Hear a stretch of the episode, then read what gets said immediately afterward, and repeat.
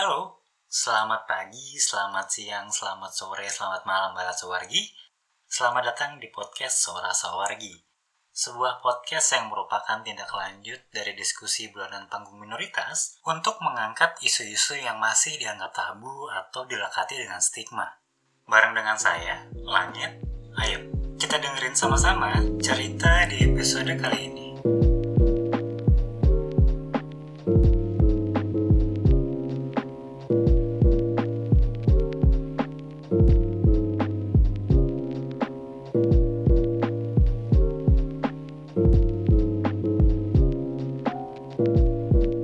Bela Sawargi, jumpa lagi sama Langit di Suara Sawargi ya. Iya iya, Langit tahu udah lama banget Suara Sawargi nggak mengudara. Tapi tenang, Langit, Bumi dan juga Laut di tahun 2022 ini bakal balik lagi. Nah, mumpung masih awal tahun, tahu nggak sih kalau di bulan kemarin, bulan Januari itu ada Women's March di tanggal 21 Januari. Tapi selain itu juga nanti tanggal 8 Maret juga ada nih International Women's March. Keduanya nggak jauh beda, punya agenda untuk memberikan awareness tentang kesetaraan, eliminasi kekerasan pada perempuan dan juga anak, memberikan dukungan untuk dapat melawan patriarki dan juga hal-hal yang menyangkut atau berhubungan dengan hal tersebut. Kalau kita ngomongin tentang yang namanya kesetaraan perempuan, ini tuh pasti nggak jauh-jauh sama yang namanya feminisme. Kalau yang langit kutip dari berbagai artikel ya, sebenarnya tuh feminisme tuh hadir sebagai gerakan sosial yang mengusung tentang hak-hak perempuan di awal abad ke-18 untuk menghapus perbudakan di Amerika Serikat dan memberikan hak perempuan untuk dapat memilih. Gerakan feminis ini bisa dibilang gerakan feminis yang pertama ya. Cuman ini yang langit tahu ya sering berjalannya waktu feminis ini sendiri kan makin banyak ya, makin berkembang.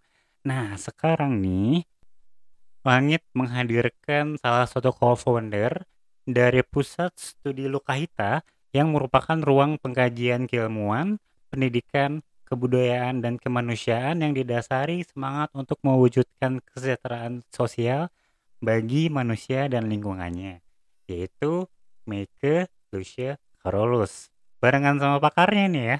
Langit bakal ngobrolin tentang apa sih sebenarnya feminisme itu, dari mana asalnya, sejarahnya, dan siapa aja sih yang boleh jadi feminisme. Yuk kita dengerin sama-sama. Podcast Suara Sawargi edisi kali ini yang berjudul Pengembaraan Feminis. Halo, Bu Mika apa kabarnya? Halo Langit, apa kabar? Kabarku baik. Baik terima juga. kasih banget ya. terima kasih, terima kasih banget Mbak Meka udah mau hadir di podcastnya Suara Sawargi yang setelah beberapa bulan ini langit nggak muncul. Aku juga terima kasih banget udah diundang sama teman-teman Suara Sawargi untuk eh, sharing di sini. Terima kasih untuk kesempatannya ya. Terima kasih kembali untuk Mbak Meke. Nah, di episode kali ini kan kita ngomongin yang namanya pengembaraan feminisme ya. Oh, ya, ya. Nah, Sebenarnya kan kalau dari langit sendiri ya, itu tuh sering banget denger di mana-mana, nggak di temannya langit, nggak di sekitar rumahnya langit, di sosial media, di mana pun deh. Sering banget iya. denger yang namanya kata feminisme gitu, Mbak Meike. Nah, kalau dari Mbak Meike sendiri, feminisme tuh sebenarnya apa sih? Core-nya tuh apa gitu? Apakah itu sebenarnya gaya hidup, paradigma, aliran, atau apa sih sebenarnya feminisme tuh? Ya, Ngit. Uh, kalau kita berbicara tentang feminisme, uh, kita harus uh, melihatnya dalam pandangan yang multidimensional ya. Artinya di sini tuh tidak hanya tidak hanya sekedar output gitu atau apa yang kemudian dilakukan oleh kerja-kerja feminisme, tapi kita juga harus melihat akar ya. Kenapa sih ada feminisme gitu? Kenapa feminisme ini banyak diperjuangkan oleh kebanyakan teman-teman perempuan gitu. Dan dalam prosesnya itu ada banyak sekali aliran feminisme yang berkembang dari zaman ke zaman dengan uh, fokus dan concern mereka masing-masing gitu. Nah, kalau saya pribadi untuk mendefinisikan feminisme saya uh, berkiblat pada pandangan salah satu pemikir uh, feminis namanya Bell Hooks ya. Hmm. Bell Hooks ini menawarkan sebuah definisi tentang feminisme yang lebih inklusif yang artinya tidak hanya sekedar menempatkan posisi perempuan itu sebagai penggerak. Dia juga ingin uh, merangkul teman-teman laki-laki maupun gender minority yang lain untuk sama-sama terlibat dalam pergerakan feminisme. Jadi uh, dalam bukunya Feminism is for Everybody, Bell hmm. Hooks itu uh, menyampaikan bahwa gerakan feminisme itu adalah sebuah gerakan untuk mengakhiri seksisme dan pen, uh, eksploitasi yang seksis dan penindasan.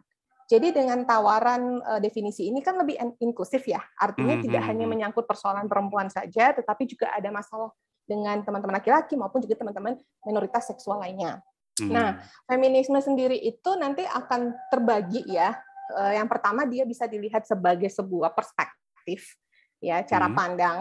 Kemudian uh, dia juga dapat menjadi alat analisis gitu ya lensa apa yang dipakai ketika ada persoalan kita bisa pakai pandangan ini ya Kemudian Jadi tools juga bisa berarti ya, Meike ya? Jadi Iya, alat jadi itu tadi tools, ya? uh, Hmm. betul. Jadi, uh, kemudian dia bisa jadi sebuah praktik hidup. Jadi apa yang kita lakukan itu juga, uh, dalam kehidupan sehari-hari itu, uh, dipengaruhi oleh feminisme itu bisa, gitu. Jadi, uh, feminisme ini, uh, kalau saya pakaikan ibaratnya dia itu seperti sebuah uh, nutrisari ya, sebut merek nih, sebuah uh, serbuk berwarna gitu yang kemudian hmm. dia mempengaruhi air yang putih itu ya air uh, H2O ini yang ada di mana-mana yang saya sebut sebagai uh, apa ya simbol dari uh, patriarki gitu ya dominasi hmm. maskulinitas di dunia ini nah feminisme itu masuk dan mempengaruhi dari dalam seperti itu jadi uh, dia sangat apa ya uh, masuk dalam segala akar kehidupan kita dan tidak hanya sebagai sebuah konsep tapi juga praktik gitu. Oh, tapi core-nya feminisme itu sendiri apa sih, Mbak Meike? Anti penindasan. Anti, penindasan. Nah, dan ya, jadi uh dan kenapa namanya feminisme? Karena gini loh, karena kan kalau yang orang-orang tahu ya, feminim itu kan identik dengan yang namanya perempuan ya kan hmm, ada hmm. maskulin dan ada feminim, ada laki-laki dan ada iya. perempuan, biner biner gitu kan gitu. Iya, Nah, iya, iya. dan orang-orang itu rata-rata ketika dibilang, "Kamu kok feminis kamu kok feminisme sih?" Gitu, maksud alirannya kok feminisme tuh identiknya tuh jadi feminim, padahal kan sebenarnya nggak nggak kayak gitu ya, pemikiran. Mhm, iya. Dan dan kenapa makanya aku tuh pengen tahu kenapa namanya tuh feminisme gitu, padahal kan sebenarnya adalah anti penindasan gitu, kenapa nggak yang mhm, nama yang mhm. lain gitu? Ya, karena memang pada mulanya pemikiran feminisme itu lahir dari pemikiran uh, yang feminin ya, yang direpresentasikan oleh teman-teman kelompok perempuan. Jadi hmm. uh, patriarki itu kan cenderung mengagungkan maskulinitas dan menyingkirkan feminitas, gitu ya. Jadi feminitas ini sangat melekat dengan perempuan. Jadi dalam uh, struktur patriarki laki-laki itu kan diberikan privilege gitu privilege akses kebebasan lebih dibanding perempuan jadi hmm. eh, laki-laki ditempatkan sebagai tuan yang memerintah sementara perempuan ini adalah objek gitu atau yang diperintah. Uh, yang diperintah gitu untuk melakukan apa yang diinginkan sang tuan gitu. Nah, ketika uh, perempuan kemudian mulai berpikir ini kok ada sesuatu yang aneh ya dalam sistem ini gitu. Kenapa kita seolah-olah harus selalu melayani kepentingan sang tuan gitu. Kami kita ini uh, harus apa ya menjadi seperti apa yang mereka inginkan lalu kita tidak mendapatkan hak-hak kita kok kayak dieksploitasi terus menerus seperti itu akhirnya teman-teman perempuan ini banyak berpikir tentang uh, persoalan ini ya yang kemudian uh, saya suka pakai pakai istilahnya Betty Friedan gitu ya pemikir feminis di Amerika tahun 60-an tentang uh, sebuah problem yang nggak punya nama. Karena pada waktu itu uh, kehidupan perempuan yang ideal menurut konstruksi patriarki ya seperti itu. Perempuan yang feminin pasif ya feminitas itu kan dilihat sebagai suatu kepasifan.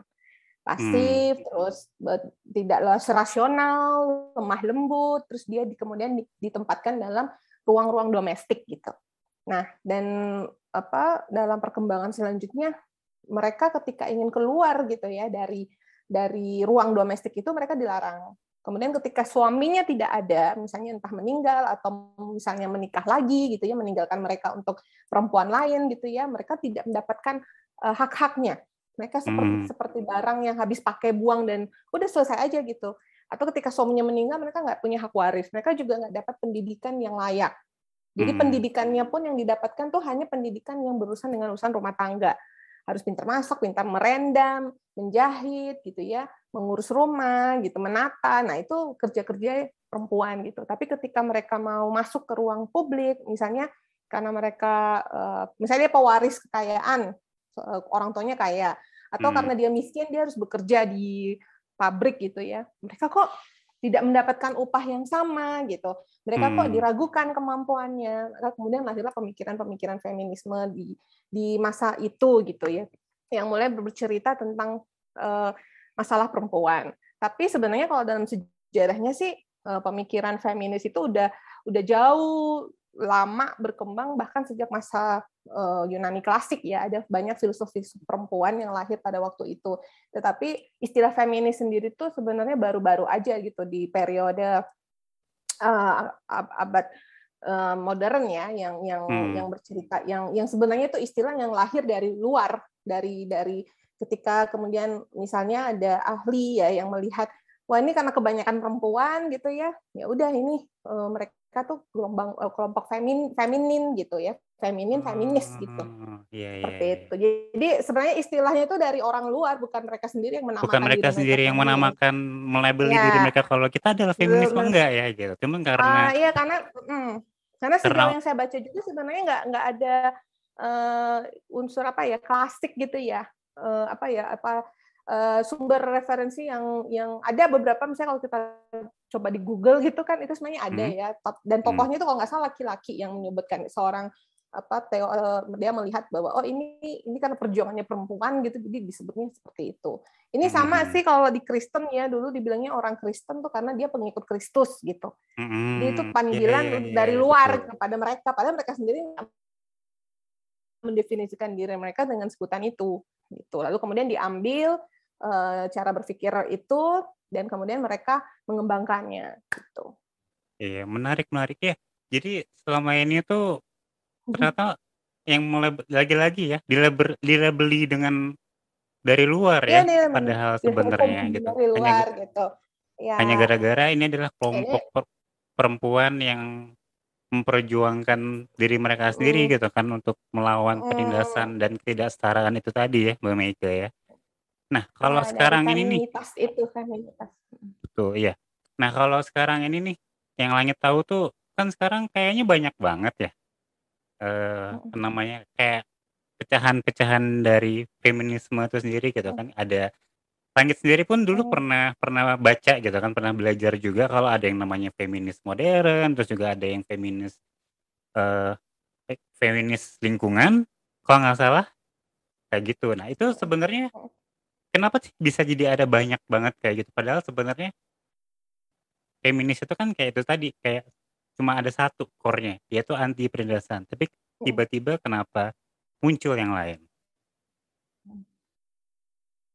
Ya, karena uh, penindasan yang dialami kelompok uh, perempuan ya, hmm. itu tidak hanya satu aspek saja. Jadi uh, sangat beragam gitu hmm. dan juga dipengaruhi oleh perkembangan aliran pemikiran pada masa itu. Um, secara umum ya kalau kita mau pakai uh, dari sudut pandang periode waktu uh, hmm. gelombang uh, feminisme gerakan feminisme itu terbagi dalam empat gelombang. Hmm. Jadi uh, gelombang feminisme pertama itu dimulai tahun 1700-an ya atau sekitar abad 18 ya. Um, di masa itu pemikiran liberal liberalisme lagi berkembang gitu. Jadi uh, pemikiran liberalisme di dalam politik ya itu kemudian mempengaruhi kemudian gerakan feminisme pada masa itu.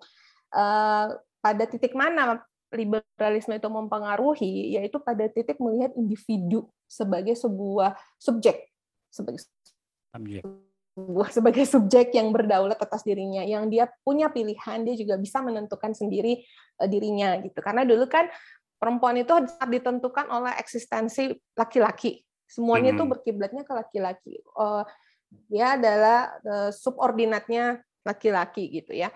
Nah, ketika ada pemikiran liberalisme yang itu ingin membebaskan ya, sangat menghargai hak-hak individu, maka pemikiran ini masuk ke situ. Yang pertama itu soal pendidikan. Ya, jadi hak-hak tentang pendidikan, pemenuhan hak-hak dasar ya. Eh, perempuan juga berhak mendapatkan pendidikan sama dengan laki-laki. Lalu kemudian masuk ke dalam uh, equal rights atau hak-hak yang sama, misalnya soal hak waris ya yang tadi hmm. saya bilang ya karena dulu perempuan ya nggak nggak nggak mendapatkan hak waris gitu kalau karena hmm. mereka dianggap kalau sudah menikah ya milik suaminya gitu hmm. jadi bayangkan dulu di, di Eropa Amerika ya kalau udah menikah dia dia memakai nama suaminya ketika cerai gitu ya atau sudah meninggal ya dia tetap tetap tetap pakai nama suaminya jadi kayak tidak bisa lepas gitu loh jadi kayak dia melekat dengan itu terus menerus dan dia kehilangan dirinya gitu ya dan kayak dulu kan nama maiden name atau nama gadis ah siapa gitu. Nah, jadi makanya di dalam bahasa pun itu terpengaruh. Ada pembagian Miss dan Mrs. Ada yang jadi nona dan nyonya. Gitu ya. nyonya. Ya. Tapi kan itu nggak hmm. berlaku di laki-laki. Ya, itu kan nggak berlaku di laki-laki. Laki-laki ya mister aja. Mau dia nikah atau nggak nikah, dia mau hetero atau homoseksual, dia tetap laki-laki. Dia tetap master.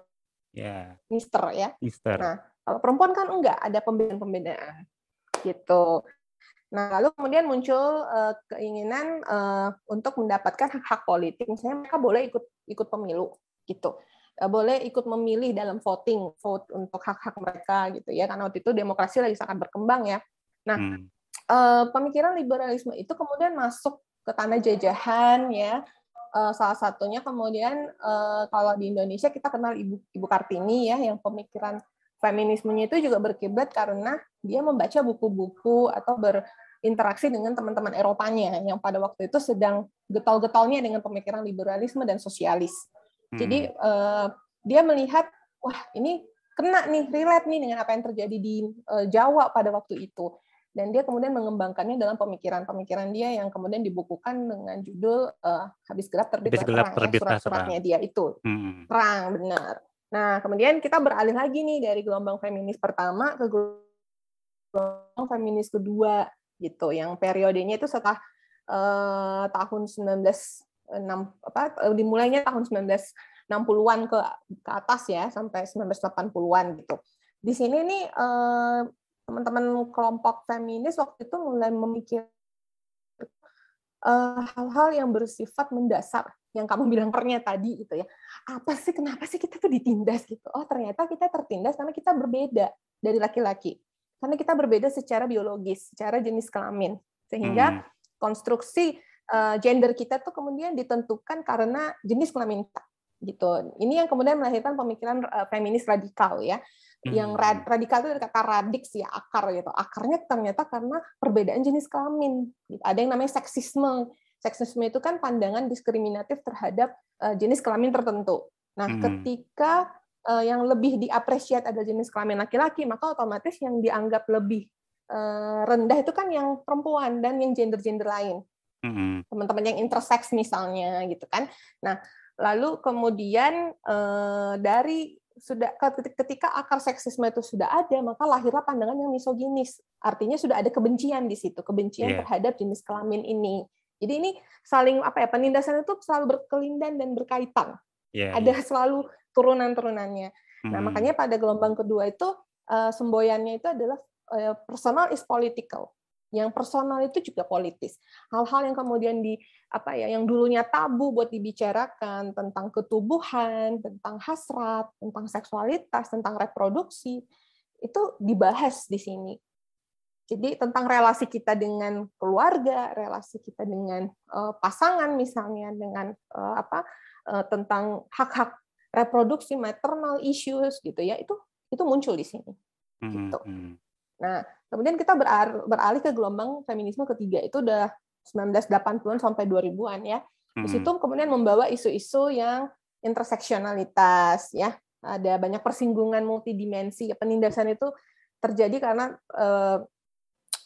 banyak sekali persinggungan identitas itu gitu jadi uh, yang menindas kita tuh nggak cuma satu sistem aja tapi juga ada banyak yang beririsan ketika kita berbeda kelas, berbeda ras, berbeda etnis, berbeda agama, berbeda profesi, gitu. Nggak cuma sekedar dan, gender dan seks lagi sekarang ya, iya, tapi juga berhubungan dengan yang lain ya. Iya, benar. Jadi sebagai contohnya misalnya eh, misalnya saya eh, perempuan dari Makassar Mhm. beragama Kristen gitu, terus sukunya campur-campur. Itu akan beda pengalamannya dengan teman saya yang perempuan agamanya Muslim dari Jawa dan datang dari kelas elit gitu. Mhm Itu mhm. akan beda gitu. Apa yang struggle-nya saya dan struggle-nya dia itu akan beda gitu. Jadi dia Mmm. mungkin oke kita sama-sama pengen satu pengen menuju satu tujuan yang sama, tetapi dia mungkin lebih cepat sampainya karena akses dia lebih dibuka ketimbang Walaupun sama-sama perempuan ya, te ada perbedaan-perbedaan yang lain, akhirnya juga ada struggle perempuan, yang lain juga gitu. ya? Mhm mhm. Nah, di dalam gelombang feminis ketiga ini isunya global, multicultural juga. Terus juga teori queer di sini, Mhm. teori-teori postkolonial, teori-teori ekofeminisme yang tadi kamu bilang soal lingkungan gitu kan. Iya. Jadi ini masalahnya udah udah bukan lagi soal, eee, public domestic, jadi ruang itu ruang yang binary itu udah didobrak di di gelombang ketiga ini. Jadi kita udah membicarakan masalah global nih, masalah, bagaimana penindasan itu terjadi di mana-mana dan dalam berbagai macam, eee, situasi dan kondisi, gitu. Mhm. Nah, eee, selanjutnya kita berpindah ke gelombang feminisme keempat, itu dimulai tahun 2000-an sampai sekarang ya, dan di sini nih isu teknologi itu udah masuk, gitu. Mhm Bagaimana mhm. kita memperjuangkan pembebasan di era digital, Mhm. gitu. Jadi, eee, apa ya, tek isu teknologi itu udah mulai masuk. Kenapa? Karena teknologi jadi alat perpanjangan kuasa, gitu. Jadi ideologi, eee, sudut pandang ya, eee, apa ya, perspektif itu kemudian dimasukkan dalam teknologi, sehingga teknologi itu nggak netral. Teknologi itu akan akan, eee, menjadi perpanjangan kuasa dari siapa, tergantung siapa nih.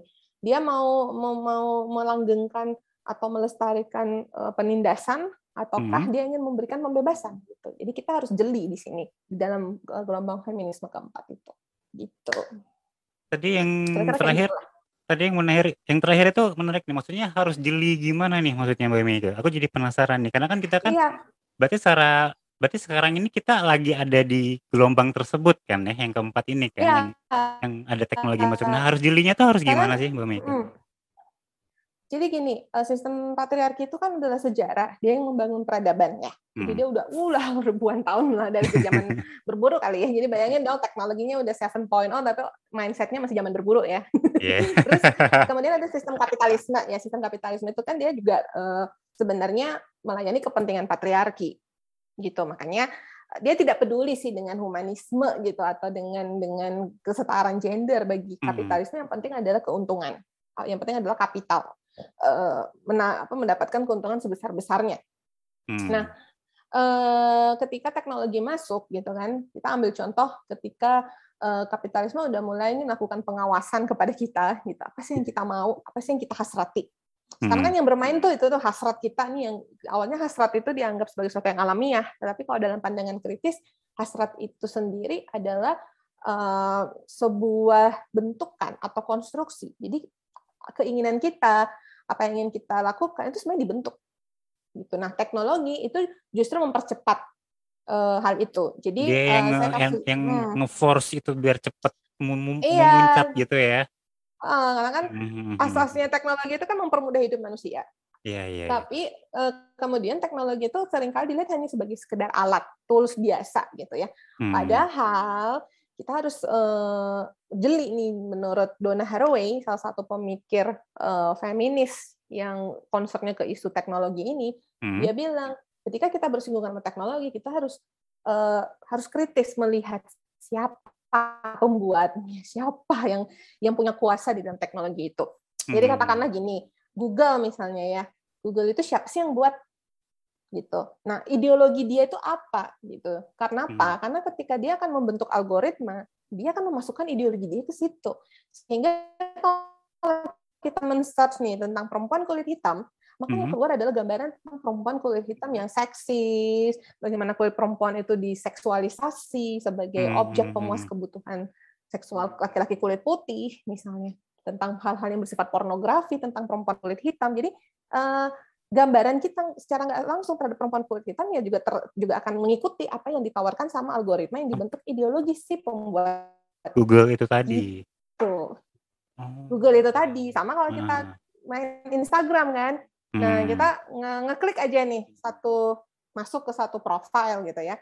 Seringnya main ke profile itu gitu kan eh, tentang apa ya, misalnya tentang panda gitu kan. Saya suka nonton panda ya. Ternyata ketika saya udah keluar dari eh, profil itu, saya buka feed saya maka muncullah semua tuh yang berhubungan dengan panda Hmm, hmm, hmm, hmm. gitu.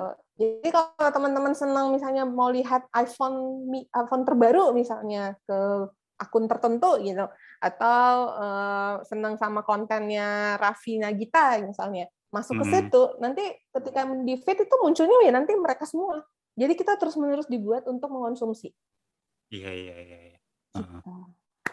Tapi sebenarnya aku jadi kepikiran, sebenarnya feminisme dan kapitalis itu bisa saling kerja sama nggak sih? Maksudnya gini, sama-sama nguntungin nggak sih? Bisa bisa kayak gitu nggak sih, Mbak Meike?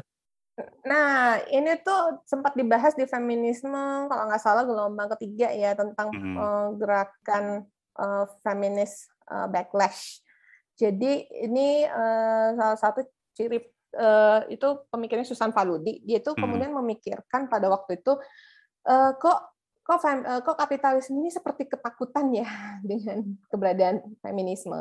Karena kan feminisme membawa pencerahan ya bahwa kita bisa jadi individu yang berdaulat, bisa memilih gitu. Sementara kan sistem kapitalisme tidak ingin kita memilih, dia ingin kita untuk tunduk gitu. Kita ikut, kita kita dibuat tidak berdaya gitu ya dengan situasi-situasi itu.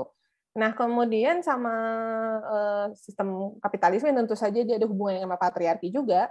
Mereka kemudian eh, kalau di media ya, itu paling kelihatan di film-film romance tahun 90-an sampai 2000-an awal. Jadi cara kapitalisme menyerang feminisme itu dengan mengkonstruksi kehidupan perempuan mandiri yang bebas, yang berdaya ya Mhm. eh, di tahun itu ya. Eh, itu kan cita-citanya feminisme barat pada waktu itu. Jadi Mhm. perempuan yang mandiri secara finansial, berkarir gitu ya.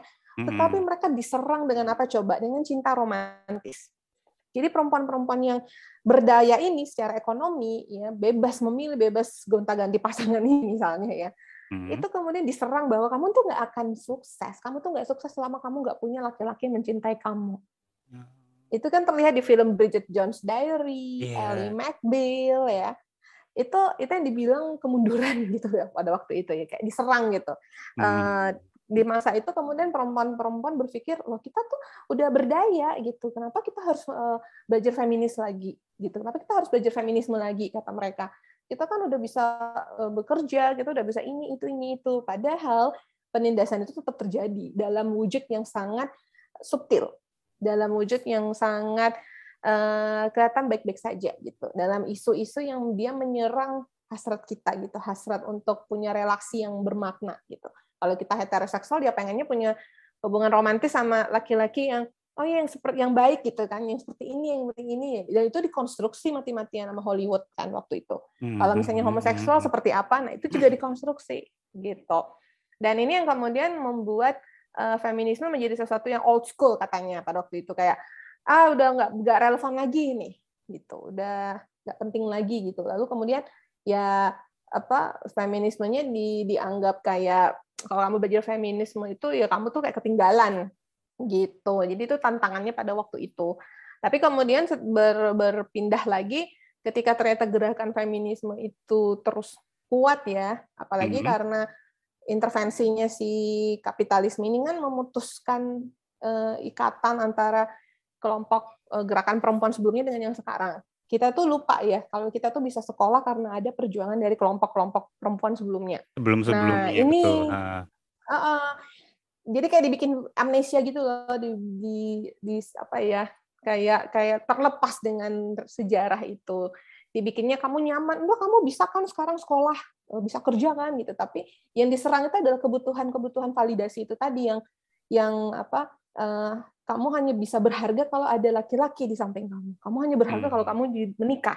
Itu kan sangat patriarkal masih patriarkal gitu. Nah nanti kemudian dalam pergerakan selanjutnya gitu kan ketika isu-isu feminisme itu tetap muncul gitu ya eh, masalah perempuan tetap ada dan eh, kemudian kapitalisme masuk lagi dengan kemudian membranded feminisme itu dengan ya sama aja seperti eh, ketika mereka membranded punk metal ya Eh, akhirnya muncullah feminis feminis plastik ya yang yang oke okay, gue udah feminis nih ketika gue udah pakai baju I'm feminist gitu. This girl is feminist gitu ya. Padahal sebenarnya kita perlu uh, kritis juga kamu memahami feminisme karena semua orang sedang merasa feminisme itu keren gitu kan karena kapitalisme uh, membentuk feminisme itu keren loh. Atau karena uh, kamu tahu kenapa ini terjadi gitu kenapa ini yeah. semua kenapa kita jadi feminis tuh kita perlu tahu kenapa gitu. Nah ngomong-ngomong tentang aku feminis gitu. Sebenarnya ada batasan nggak sih uh, Bu Mega? Siapa sih yang boleh jadi feminis? Maksudnya gini laki-laki itu sendiri sebenarnya bisa-bisa aja kan untuk menjadi seorang yang feminis gitu sebenarnya. Iya benar. Um, memang pada awalnya kalau dalam sejarahnya memang banyak banyak uh, dipelopori sama teman-teman perempuan gitu. Tapi dalam perkembangannya kan feminisme itu kemudian juga mengajak uh, kita berpikir kritis tentang perbedaan jenis kelamin dan gender ya. Salah hmm. satunya adalah munculnya teori queer hmm. yang yang itu mengakomodir uh, situasi dan problem teman-teman minoritas seksual, teman-teman LGBT ya.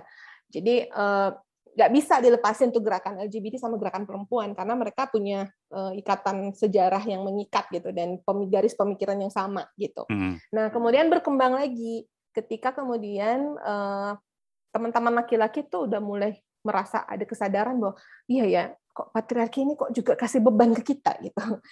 Tidak selamanya privilege itu ternyata abadi gitu ya. Iya betul betul ternyata kok kok kok saya nih harus harus jadi misalnya dia harus selalu menjadi pemimpin dia harus selalu hmm. menjadi yang terbaik gitu harus ngasih yang terbaik gimana kalau situasinya tidak seperti itu kan dia jadi merasa gagal jadi hmm. beban-beban maskulinitas itu membuat dia menjadi beban yang berat lalu kemudian kan efeknya macam-macam bisa ke kekerasan bisa dia melukai dirinya sendiri bisa melukai orang lain gitu kan lalu eh, banyaklah kemudian gerakan-gerakan di dunia yang secara global tuh tentang male feminist gitu bahwa laki-laki itu mulai sadar gitu bahwa mereka juga adalah korban patriarki. Jadi baik laki-laki maupun perempuan itu sama-sama lahir dalam rahim patriarki, tetapi kemudian punya masalah yang berbeda, hmm. punya penindasan yang berbeda bentuk gitu. Yang mulai sadar emang yang inferiornya kan, yang kelompok yang tertindas kan yang lebih resisten gitu. Hmm. Kalau laki-laki mikirnya dulu masih nyaman, ah nggak nggak relate saya itu apa sih gerakan perempuan nggak relate gitu kan.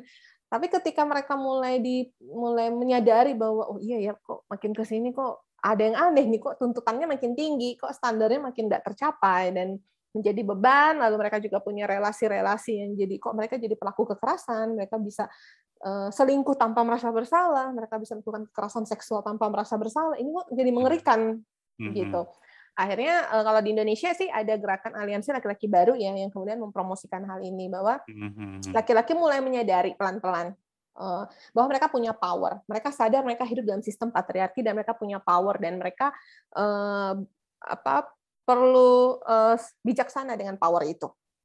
Makanya kita tetap meminta bantuan teman laki-laki untuk sama-sama yuk kita bersatu dalam gerakan kesetaraan gender supaya uh, kita bisa menuju transformasi sosial. Kita bisa sama-sama punya peradaban yang lebih baik gitu. Jadi teman-teman laki-laki di sini fungsinya adalah untuk eh, menjadi apa ya agen yang kemudian bisa mempengaruhi teman-teman laki-laki yang lain. Hmm, gitu. Karena tetap, kalau perempuan yang ngomong agak susah gitu, hmm, susah diterima. Hmm, gitu. Jadi sebenarnya juga tetap butuh solidaritas dari semua kalangan yang nggak cuma dari perempuannya, tapi laki-laki dan juga berbagai gender yang lain juga harus hmm. mulai bersatu ya buat ya itu tadi benar anti benar. penindasan ini tadi ya Mbak Meike ya. Jangan Iya. cuman perempuan terus yang yang yang terus jalan gitu. Iya, karena kita juga perlu hati-hati ya dengan gerakan eh, apa yang membawa perbedaan jenis kelamin. Misalnya hmm. merasa bahwa feminisme itu milik perempuan aja.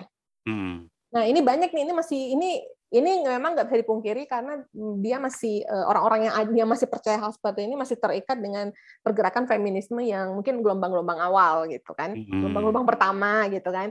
Yang maksud ini ini masalah perempuan aja gitu. Tapi uh, kemudian kita harus ngeliat juga bahwa ada gender lain loh yang juga tertindas gitu. Laki-laki pun juga dalam spektrum ini juga dia tertindas gitu. Dan kita uh, butuh uh, suasana yang inklusif. Jadi jangan terjebak dengan uh, jenis kelamin aja tapi kita juga harus melihat lebih luas lagi bahwa uh, bahkan kategorisasi gender pun itu perlu dipertanyakan. Kenapa hmm. sih kita dikotak-kotakkan dalam kategori-kategori ini? Sehingga kemudian kalau kamu udah melabelkan diri pada satu kotak, kamu akan cenderung melihat kotak-kotak lain yang berbeda itu sebagai lawan. Padahal nggak selalu kayak gitu. Yeah. Makanya kemudian kan banyak di kita temukan di lapangan uh, teman-teman aktivis perempuan nih yang dulu-dulu nih kadang-kadang melihat laki-laki itu sebagai musuh gitu makanya laki-laki mana mau bergabung dengan gerakan kesetaraan gender soalnya rasanya itu kayak selalu diserang gitu kan yeah, yeah, yeah. selalu iya. dimusuhin gitu nah terus eh, di kalangan teman-teman LGBT juga gitu jadi gerakan yang misalnya aktivis perempuan tertentu ini juga nggak mau peduli sama teman-teman LGBT oh itu bukan urusan kita gitu nah di kalangan teman-teman hmm. LGBT pun juga mengadopsi cara berpikir yang sama misalnya teman-teman uh, waria dengan yang gay itu kan nggak nggak selalu akur ya di lapangan yeah, gitu Hmm, kadang-kadang nggak aku bukan kadang-kadang sih, bahkan sering kali iya, bukan bukan kadang-kadang lagi ya, buk uh, tapi sering kali memang beberapa hal gitu kan, susah buat disatuin gitu loh. Susah satuin, kenapa? Karena kita udah kayak me sudah mengkotakkan diri gitu. Itu kan cara berpikir patriarkal, nanti kita masih yeah. patriarkal loh. Hmm. Mengotak-kotakan orang, aku ingat loh patriarki itu kan ada lima ya ciri-cirinya, dia ada kepemilikan, ada kontrol, ada dominasi, ada segregasi gitu dan, um, satunya apa ya aku tuh hierarki. Hmm. gitu. Jadi kalau udah ada lima ini ini yang paling dasar ya kalau udah ada hmm. lima ini wah ini pasti patriarki nih hati-hati. Dan patriarki itu luas besar banget. Kita dan sering kali itu nggak sadar ya kalau kita tuh kita tuh lagi menjalankan patriarki itu ya. Seringkalinya nah, gitu kan ya. benar. Hmm. makanya dengan menjadi feminis itu artinya adalah memiliki kesadaran bahwa saya tuh hidup dalam penjara dan, dan dan saya harus berusaha keluar dari penjara ini karena penjara ini sangat nyaman. nah caranya biar menyeimbangkan itu gimana nih Mbak Meka? Misalkan nih yang lagi dengerin sekarang nih obrolan kita berdua nih Mbak Meka dan kita dengerin, oh iya ya ternyata selama ini tuh aku malah melanggengkan patriarki nih. Nah caranya oh. biar nggak lagi mengkotak-kotakan itu tadi tuh gimana ya caranya ya? Kalau menurut Mbak Meka sendiri? Yang pertama adalah satu kita terus belajar. Belajar itu sampai mati gitu dan belajar hmm. itu tidak selalu dalam ruang-ruang formal. Jadi apa yang teman-teman panggung minoritas lakukan saat ini dengan program hmm. Suara Sawargi ini atau yang lainnya itu adalah bentuk belajar yang uh, mempelajari sesuatu yang itu mungkin tidak banyak dipelajari di pendidikan formal. Itu ilmu juga gitu ya. Hmm. Dan dengan seperti itu kan pelan-pelan kita akan mulai berpikir lebih terbuka lebih luas dari uh, kotak yang kita apa ya seperti katak dalam tempurung ya kita akan lebih kita akan membongkar membuka kotak yang kita pasang di dalam kepala kita dan kita akan mulai melihat keberagaman kita akan mulai lentur gitu dengan sesuatu yang mungkin ini tuh nggak nggak nggak selalu uh, relate dengan saya atau ini itu bukan masalah saya tapi kita akan mulai melatih diri dengan empati dengan kepedulian dengan hmm. uh, rasa uh, cinta gitu Nah, setelah itu baru kita bisa menuju transformasi. Setelah itu kita baru bisa pelan-pelan untuk berubah gitu, untuk bertransformasi dari yang dulu ini sangat uh, apa ya patriarkal banget tiba-tiba berubah menjadi lebih egalitarian misalnya. Dan itu kan pelan-pelan ya, transformasi itu kan uh, pelan-pelan. Tapi yang kita perlu selalu tanamkan di hati adalah berani untuk berefleksi terhadap apa yang kita lakukan oh ternyata aku masih patriarkal ya ternyata oh aku uh, ternyata terlalu mengontrol misalnya terlalu mendominasi wah ini hati-hati gitu. Jadi self critics hmm. itu perlu dalam konteks ini gitu. Ya kita harus uh, berani mempertanyakan juga keputusan-keputusan kita kenapa aku melakukan ini? Apa tujuannya? Apa ininya? Gitu. Jadi uh, itu proses. Proses, proses terus menerus jadi kita kita menolak untuk nyaman gitu. Nyaman dalam situasi di mana kita selalu merasa aman. Nah ketika kita berani keluar ya kita berani mempertanyakan border itu ya. Nah di situlah kan paradigma queer itu masuk. Bahwa queer itu kan menolak untuk untuk fix gitu loh. Iya kita, kita untuk terus mempertanyakan ya. Iya untuk hmm. untuk mempertanyakan apa sih di luar border itu? Apa hmm. sih yang yang tidak terbatas itu itu infinite uh, power itu apa gitu kan. Kita, kita infinite realm gitu. Suasana yang kita belum mengerti ini apa gitu kan. Selama ini kan teman-teman misalnya dalam konteks kasus teman-teman LGBT itu kan ditakuti karena kan orang menjauhi itu. Orang hmm. tidak mau bertanya tidak mau bersinggungan dengan mereka gitu. Teman-teman minoriti seksual yang kemudian tersingkir dari kebijakan gitu kan. Itu kan karena mereka dianggap uh, sesuatu yang dark gitu ya. Yang mereka tuh takut buat menuju ke sana. Nah, hmm. paradigma queer itu membantu kita untuk kemudian berani masuk ke sana dan hmm. menerangi apa sebenarnya persoalannya, apa sebenarnya yang terjadi. Jadi yang terpenting adalah terus belajar, refleksi diri dan juga terus mempertanyakan semuanya gitu ya. Jangan jangan kritis, jangan kritis. Mm, harus kritis, jangan mentah-mentah semuanya ditelan tapi seenggaknya juga ya dikunyah dulu deh pelan-pelan gitu ya, Mbak Mika. Jangan sampai kita menjadi apa yang kita kritik. Gitu. Iya, tapi memang memang ya itu tadi ya, karena memang proses ya. Jadi memang nggak mudah ya untuk melakukan itu semua. Cuman kalau ada kemauan Pasti bisa kan ya, Bisa Mika? pasti bisa. Dan kita tuh selalu apa ya, aku tuh percaya ya, uh, kita akan dipertemukan juga dengan orang-orang yang yang ternyata diam-diam punya kegelisahan yang sama. Sebenarnya kegelisahan itu sudah ada kok di banyak generasi kita ya, karena kita udah mulai merasakan kan efek dari kesehatan mental kita gitu ya. Eh, bagaimana kita tuh tertekan terus menjadi cemas menjadi khawatir lalu kemudian bentuk-bentuknya jadi berbeda. Kalau ada yang mungkin sifatnya uh, dia punya power dan dia ingin melindungi dirinya ya dia akan sangat sangat uh, represif terhadap yang lain. Dia akan membangun dinding dia kan dia kan apa ya uh, tidak ingin orang lain tuh melebihi dia. Itu banyak hmm. ya gejala-gejala kejiwaan seperti itu. Tapi kalau dia misalnya pengen terlibat dia ingin melakukan transformasi ya dengan terjun langsung seperti apa yang teman-teman panggung minoritas lakukan berarti kan ada sesuatu hal yang apa ya yang enlightenment ya yang sangat uh, ini tuh berbeda. Gerakan ini berbeda gitu. Karena dia pengen hmm. orang lain pun juga sama apa ya orang lain itu juga hidupnya baik. Nggak cuma dirinya tapi orang lain juga kenapa karena kita nggak mungkin punya kehidupan yang baik kalau orang lain juga masih uh, timpang hmm.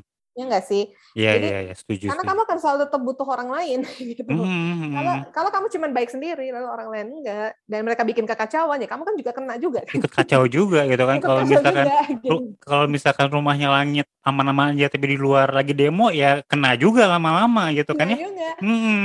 Iya kan banyak misalnya orang kaya kan dia merasa secure kalau dia uh. duitnya banyak tapi mm. pokoknya kita tuh cara buat secure itu adalah dengan mengumpulkan uang sebanyak-banyaknya. Makanya dia jadi rakus, dia jadi serakah. Mm -hmm dia nggak ngasih hak ke orang lain. Nah, persoalannya ketika dia sibuk mengumpulkan harta, lalu banyak orang miskin tinggal sekitar dia, orang miskin ini mau makan, dia kan masih rampok rumah dia kan. Iya. Jadi kayaknya ya belajar hidup cukup lah gitu. Hmm. Waduh, makasih banget ya Mbak Mega. Aku iya, nih belajar. Tapi yang tapi yang terakhir tadi itu harus banget diingat sih, maksudnya refleksi diri terus belajar dan mau berproses itu benar-benar suatu hal yang harus apa ya, harus diingat terus gitu loh. Jangan jangan terus berada di titik nyaman terus, karena kalau nyaman terus, ya mungkin bisa dibilang nggak akan berkembang ya, gitu-gitu aja terus ya, gitu kan. Ini nggak bertumbuh dia stagnan gitu. Jadi dia di situ-situ aja gitu. Tapi kalau kita bertumbuh itu kan kita lebih daripada diri kita yang sebelumnya. Jadi takarannya bukan orang lain, takarannya diri kamu. Jadi aku 10 tahun yang lalu kayak gini. Sekarang aku 10 hmm. tahun sekarang, wah ternyata aku bisa lebih baik ya dibanding yang dulu. Nah, itu kan pertumbuhan. Tapi kalau ternyata kamu 10 tahun yang lalu sama dengan 10 tahun hari ini ya berarti ada yang masalah gitu karena manusia kan yeah. terus dinamis ya. Hmm. Betul betul. Aduh terima kasih banyak Mbak Meka atas waktunya. Semoga iya semoga tentang pengembaraan feminisme ini jadi enlightenment ya seperti yang tadi Mbak Meka bilang ya buat teman-teman yang lagi dengerin, buat bahasa warga yang lagi dengerin. Apa sih sebenarnya yang masih mempertanyakan feminisme tuh apa sih laki-laki boleh nggak sih gitu? Karena yang langit sering tanyain eh, dapat pertanyaan tuh laki-laki tuh boleh nggak sih jadi feminisme? Ya boleh-boleh aja ini ada pakarnya ngomong gitu. Boleh siapa pun, makanya Bell Hooks kan bilang feminisme itu untuk semua orang. Buat semua orang. Apa pun kamu gitu, kamu mau agamanya apa, sukunya apa, rasnya apa, mau laki-laki, perempuan, uh, teman-teman uh, minoritas seksual gitu. Pokoknya semuanya feminisme ini uh, adalah untuk kita semua gitu. Karena kita pengen hidup dalam sebuah situasi yang adil dan setara. Ya. Terima kasih waktunya ya, Mbak Meka ya. Sampai ketemu Terima lagi. Terima kasih Langit. Terima kasih teman-teman semuanya sudah mendengarkan. Balat Sawargi, tadi kita udah dengerin ya pemaparan dari Mbak Meke mengenai seluk-beluk feminisme. Mulai dari sejarahnya, kemudian juga ada berapa gelombang, dan sekarang kita berada di gelombang yang keberapa. Kemudian juga siapa aja sih sebenarnya yang boleh jadi feminis, kenapa disebut feminis, dan lain sebagainya. Kali ini juga Langit sudah mengundang satu narasumber lain yang jauh banget ada di Osaka, Jepang karena dia lagi mengejar gelar doktoratnya, lagi menempuh studi di sana. Biasa dipanggil Mbak Alin dan ini adalah obrolannya Langit dengan Mbak Alin. Halo Mbak Alin, apa kabar? Halo Langit, kabar baik. Terima kasih banyak ya. Aduh, jauh-jauh dari Osaka, beda waktu tiga jam mau loh nemenin Langit buat ngobrol di podcast Sora Sawargi. Oh iya dong. Malah uh, aku sih yang seneng masih diajakin sama teman-teman di Indonesia uh, masih diajak gitu untuk jadi uh, narasumber. Mudah-mudahan bisa ngasih beberapa insight deh. Pastinya sih Langit gitu. yakin lah Mbak Alin bisa ngasih insight terutama tentang yang mau Langit tanyain ke Mbak Alin nih tentang feminisme. Jadi, sebelumnya nih aku kasih intro dulu ke Mbak Alin. Barusan tuh okay. Langit habis wawancara ngobrol-ngobrol sama Mbak Mike, salah satu co-founder Lokahita. Ngobrolin tentang feminisme gitu. Nah, dari Mbak Alin sendiri pernah denger nggak atau pernah kedengeran mengenai pernah baca gitu tentang feminisme? Feminisme tuh apa sih dan kalau pernah denger dari mana pernah dengernya? Uh, kalau aku pribadi sih mungkin, uh, aku memang bukan, uh, di studi sosial ya, hmm. uh, tetapi pasti pernah dengar istilah feminisme, mulai dari kayak dari medsos, dari, uh, media cetak, media televisi, uh, bahkan kalau sekarang gitu kayak kalau kita dengerin podcast, ada beberapa, uh, podcast nggak apa-apa kali ya sebut merek ya, kayak apa, Magdalene gitu kan, kayak hmm. kayak Magdalene itu kan dia sering ya mengangkat isu feminisme gitu. Uh, jadi kurang lebih sih saya terpapar ya. Maksudnya saya tahu lah uh, dengan isu feminisme ini gitu dan apa itu feminisme. Tetapi kalau masalah apa yang mungkin kayak uh, valid atau enggaknya karena saya juga bukan expert di sana mungkin banyak nggak paham secara arti benernya ya. Hmm. gitu. Tapi kalau dari yang Alin tahu nih mengenai feminisme yang tadi Mbak Alin sempat ngomongin hmm. ya kalau sering terpapar dari Magdalene gitu kan.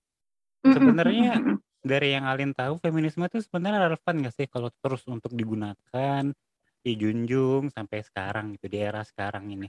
Kalau menurut Mbak Alin sendiri sebagai seorang peneliti ya? Iya. Dan juga seorang iya. dosen.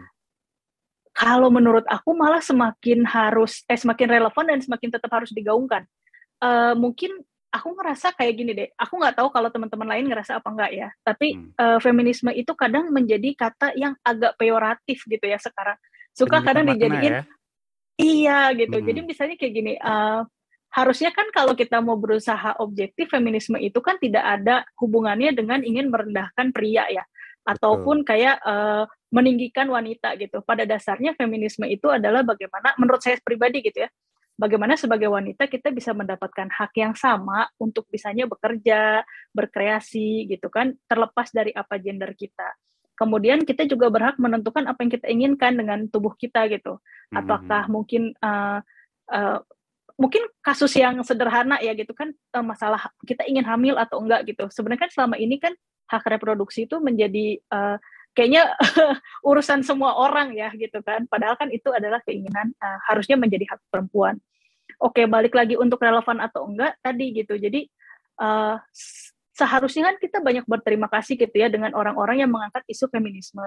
Hmm. Tetapi banyak juga uh, di media sosial paling enggak yang saya tahu feminisme itu satu dianggap tuh kayak oh menentang agama gitu. Hah, kok menentang agama? Bener kan suka di gitu kan suka dikleskan yeah, yeah, gitu bahwa uh, harusnya tuh kan uh, lelaki nih yang menjadi pemimpin padahal bagi saya tuh tidak ada hubungannya antar feminisme menjadi lelaki tidak boleh jadi pemimpin ya, tapi pada perempuan memiliki kemampuan untuk jadi pemimpin. Yang hmm. kedua juga sepertinya banyak feminisme itu yang dianggap kayak feminazi ya.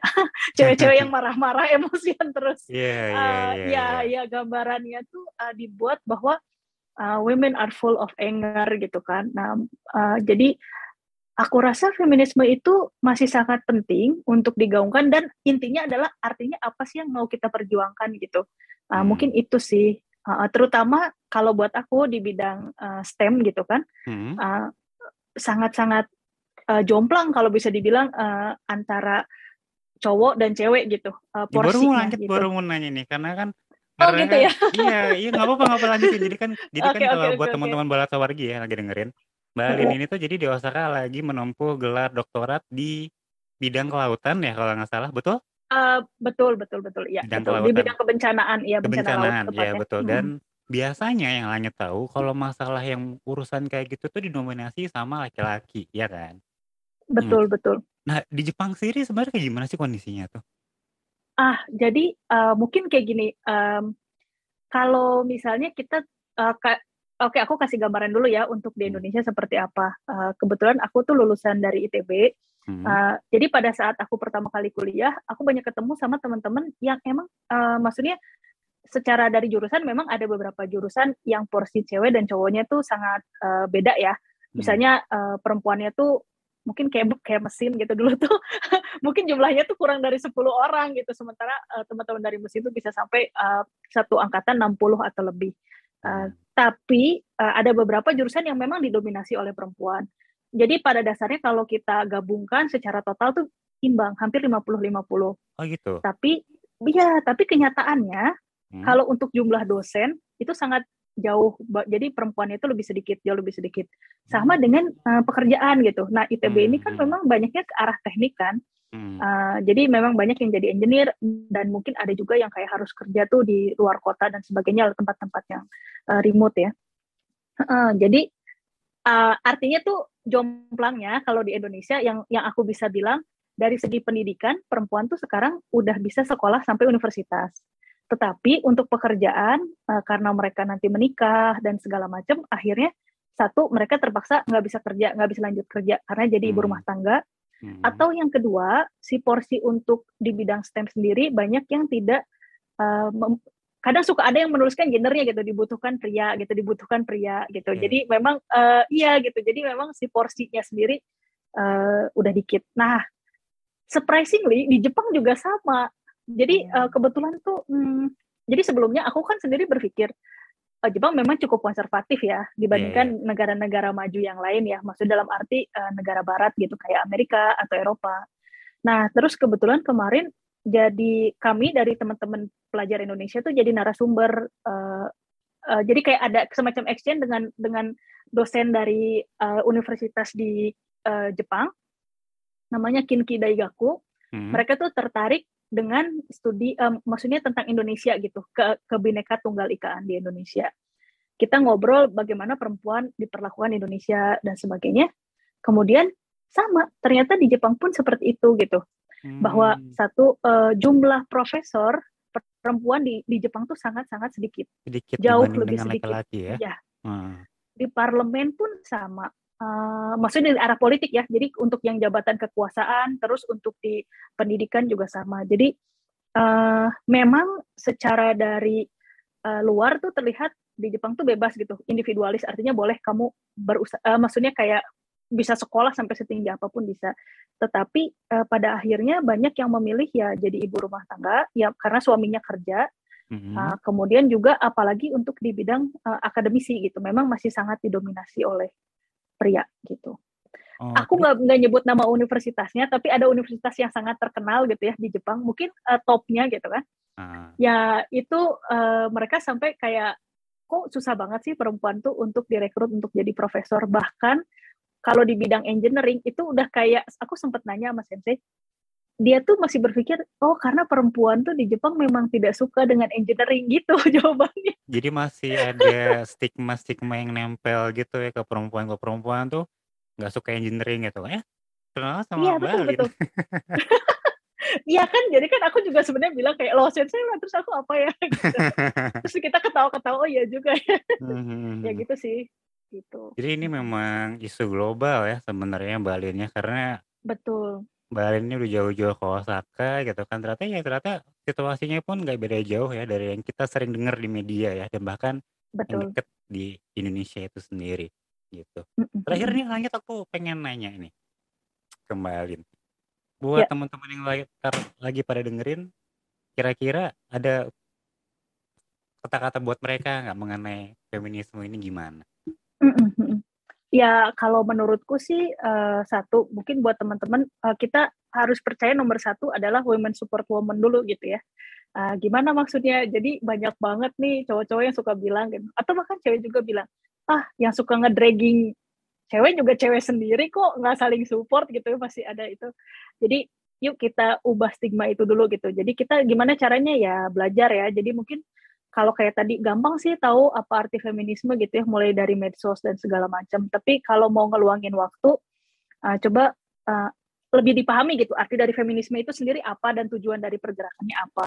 Terus yang kedua sih aku berharap banget ba makin banyak uh, teman-teman uh, yang nggak yang nggak terpaku pada stigma itu gitu. Jadi nggak terpaku bahwa ih aku tuh cewek aku tuh nggak mampu kerja di lapangan aku tuh nggak bisa aku tuh kurang bisa tuh matematik kan suka gitu ya stigmanya gitu. Hmm. ya yuk kita do dobrak juga stigma itu gitu. Kita perbanyak gitu cewek-cewek di STEM gitu. Kalau misalnya banyak cewek yang di uh, semakin banyak perempuan yang ada di bidang uh, sains teknologi matematik itu pasti akan jadi kayak domino e, domino efek ya. Kayak aku sendiri gitu. Misalnya aku satu tapi aku pasti pengen ya aku pengen deh punya kolega juga perempuan gitu. Mengencourage teman-teman. Jadi ya mungkin itu pesanku uh, belajar lebih banyak belajar lebih banyak belajar baik untuk feminisme dan juga uh, saling support apalagi kalau misalnya hmm, pada mau ngelanjut ya belajar tentang uh, sains dan teknologi gitu.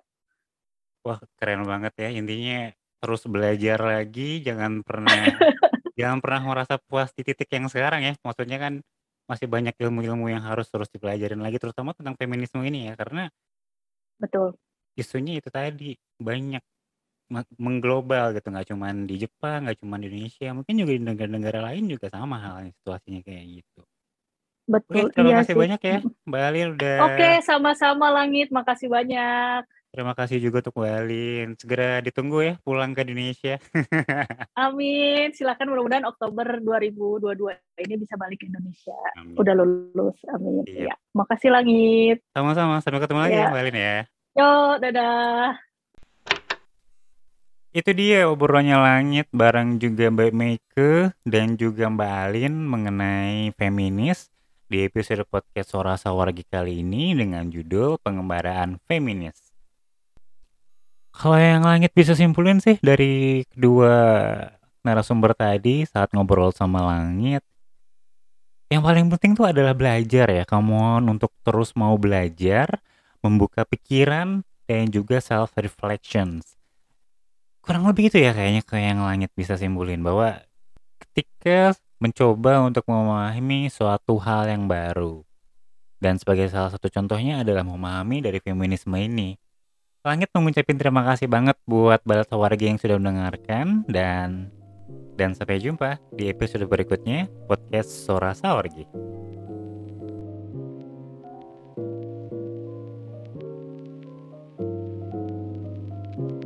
Nantikan episode-episode dari Sora Sawargi selanjutnya yang bisa kamu dengerin di Anchor, Google Podcast, Spotify, maupun platform podcast lainnya. Selain itu, Jangan lupa juga untuk ikuti kami di Instagram @panggung_minoritas untuk semua update kegiatan-kegiatan dari panggung minoritas yang lain.